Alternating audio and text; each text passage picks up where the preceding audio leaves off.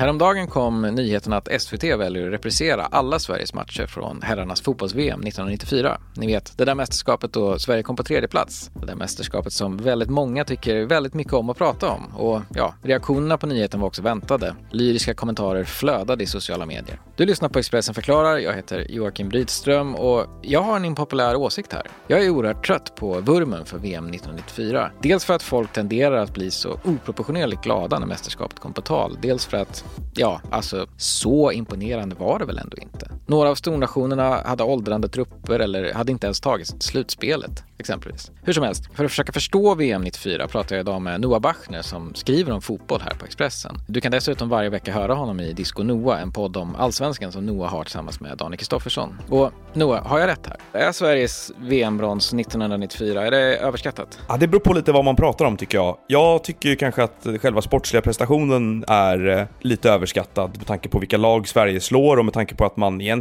bara vinner en match i gruppspelet mot Ryssland och sen slår Saudiarabien i åttondelsfinalen. Därefter är det ju en, en batalj mot Rumänien där som slutar i det lotteri som straffsparkar är och en bronsmatch som ju är just en bronsmatch mot eh, Bulgarien. Men det, man måste väga in två saker här tror jag. Det ena är att VM-turneringar och eh, internationella mästerskap generellt tenderar att överskattas tycker jag i sin betydelse. Som att man nästan alltid tittar på vem är tidernas bästa spelare. Då måste den spelaren ha vunnit VM för att få vara med i diskussionen och det är ett argument som alltid hålls mot till exempel Leo Messi så tycker inte jag att det är, utan det är mycket svårare att vinna Champions League eller Premier League för den delen än det är att vinna ett VM. Ett VM behöver du prestera i mycket färre matcher och du kan komma undan med lite tur på vägen och sådär. Det andra är att jag tror att man ibland stirrar sig blind 94 på Sveriges motståndare och säger att ja, men det var bara Rumänien och det var bara Bulgarien, men det här var landslag som på den tiden var ganska bra och dessutom framför allt under det mästerskapet hade ordentliga formtoppar. Dessutom ska man ha med sig att Bulgarien slår ut Tyskland i, i slutspelet i kvartsfinal.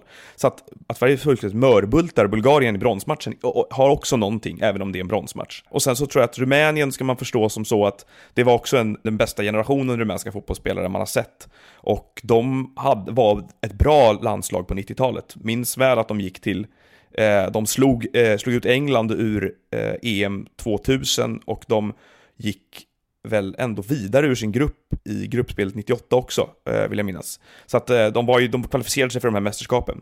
Och sen så tror jag att eh, ytterligare en, en del i det här är de lagen som var kvalificerade. Det här var ju ett VM för 24 lag. Det blev ju 32 lag från och med Frankrike-VM 1998, så att det var ju mycket oftare så att stora fotbollsnationer missade att kvalificera sig. Det räckte ju med att ett lag som Bulgarien eller Rumänien hade en väldigt bra generation eller gjorde ett väldigt bra kval för att en stor fotbollsnation skulle falla bort från själva slutspelet. Hur står sig då 1994 mot 98 som var ett super-VM eller andra mästerskap? Alltså för att 94 var varken England eller Frankrike ens med då. Eh, Fotbollsstormakt som Tyskland generationsväxlade. Var 94 ett dåligt VM om man ser alla VM som har spelats? Det där är svårt att mäta tycker jag. Det är klart att om man tar de traditionellt sett största fotbollsnationerna med sin breda spelarbas, alltså länderna där fotbollen är störst och mest utövad sport och mest utvecklad. Om de har dåliga landslagsgenerationer, då kan du föra argumentet att VM inte optimeras på det sättet. Att det kommer bra generationer ur sämre fotbollsländer gör att det blir ett sämre mästerskap. Det är svårt att jämföra på det sättet, men jag upplever väl kanske att det var lite ovanligt många traditionellt sett starka fotbollsnationer som hade rätt dåliga generationer framme då. Men Sveriges lag 1994 då, varför, varför gick det så bra? Alltså vilka spelare stod ut i laget? Sverige hade ett landslag där stjärnorna stod rätt och de spelare som kunde varit akilleshälar för det här laget, de gjorde ganska bra prestationer. Framförallt då Thomas Ravelli som ju, vilket man ju får lära sig i SVTs krönika om det här mästerskapet, var väldigt hårt ifrågasatt inför VM för att han var på ålderns höst och kanske inte hade speciellt på topp i IFK Göteborg. Men i övrigt så Martin Dahlin var ju ute, i, spelade i Borussia Mönchengladbach och skulle säljas till Roma kort därefter.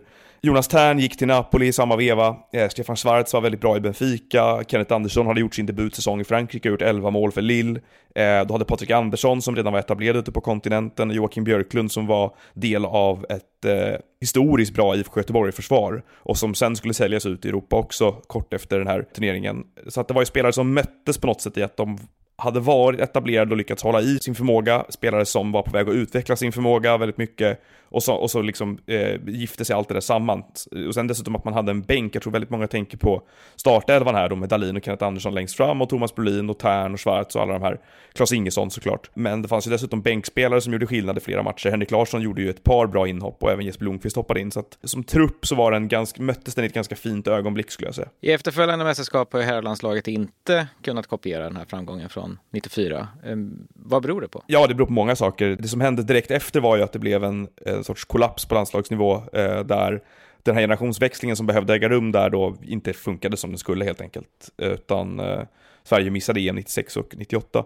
Sen så vill jag ju säga att liksom, det är mycket tillfälligheter i mästerskap. Det är ju tillfälligheter att Sverige inte slår ut Holland på straffar i EM 2004 till exempel. Jag upplever att vi hade ett ännu bättre landslag på planen än vad vi hade 94. Jag tycker att det landslaget är det bästa jag har sett ställa spelare för spelare på planen. Sen är det ju en annan historia som äger rum eh, 2002 mot Senegal, går Sverige till kvartsfinal där får man möta Turkiet förmodligen och eh, det hade varit klart överkomligt och då hade vi varit kunnat få fram ytterligare en semifinal. Men eh, ett övertidsmål av Henri Kamara ändrar på den historien. Så att det är liksom, eh, och där, dessförinnan ska ju Zlatan Ibrahimovic passa till Henrik Larsson som har öppet mål och gör han det så vinner Sverige matchen mot Senegal förmodligen.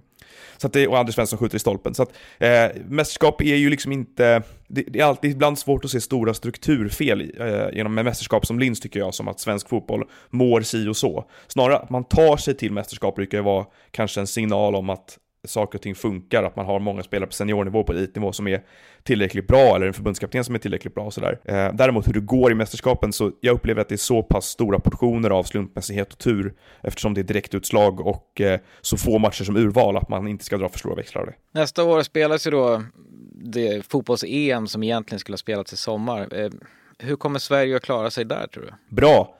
Sverige har hittat en modell för att bedriva landslagsfotboll som jag skulle säga minimerar de här slumpmässiga inslagen. Eh, det är eh, ett förbundskaptensjobb hittills av eh, Jan Andersson och Peter Wettergren som gör att man tror man ska, det ska mycket till för att man ska hitta någon som är bättre lämpad för att träna ett landslag. De har förstått just det här att det är väldigt lite tid att jobba med spelarna. Man ska inte hålla på med för avancerade spelmodeller.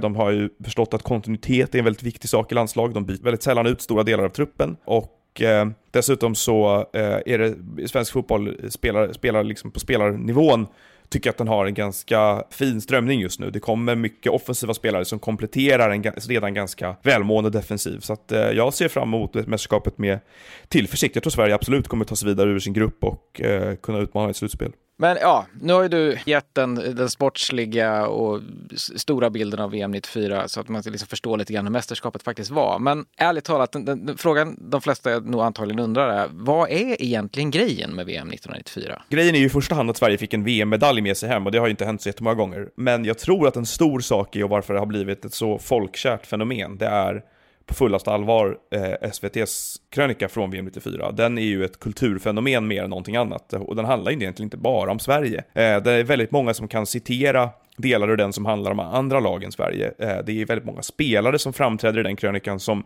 inte gjorde speciellt stort väsen av sig i, sin andra, i resten av sin fotbollskarriär, men som kanske är en eller två eller tre av spelarna som många kan namedroppa bara för att de har sett den krönikan så många gånger. Och sen är den ju liksom väldigt skickligt gjord i det att den förmedlar en känsla med, av att sak, det här var oerhört stort. Och eh, det är väl där man, om man tittar rent krasst på den sportsliga prestationen så kanske den inte motsvarar det. Men känslan är ju på riktigt och känslan var på riktigt den sommaren. Så att den, den har ju fått det här minnet att bli väldigt levande för många i Sverige och det tror jag är grejen med eh, VM 94. Du har lyssnat på Expressen förklarar, en podd där vi i varje avsnitt fördjupar en specifik grej i nyhetsflödet. Du kan följa Expressens nyhetsbevakning dygnet runt på Expressen.se, i vår app och i Expressen TV.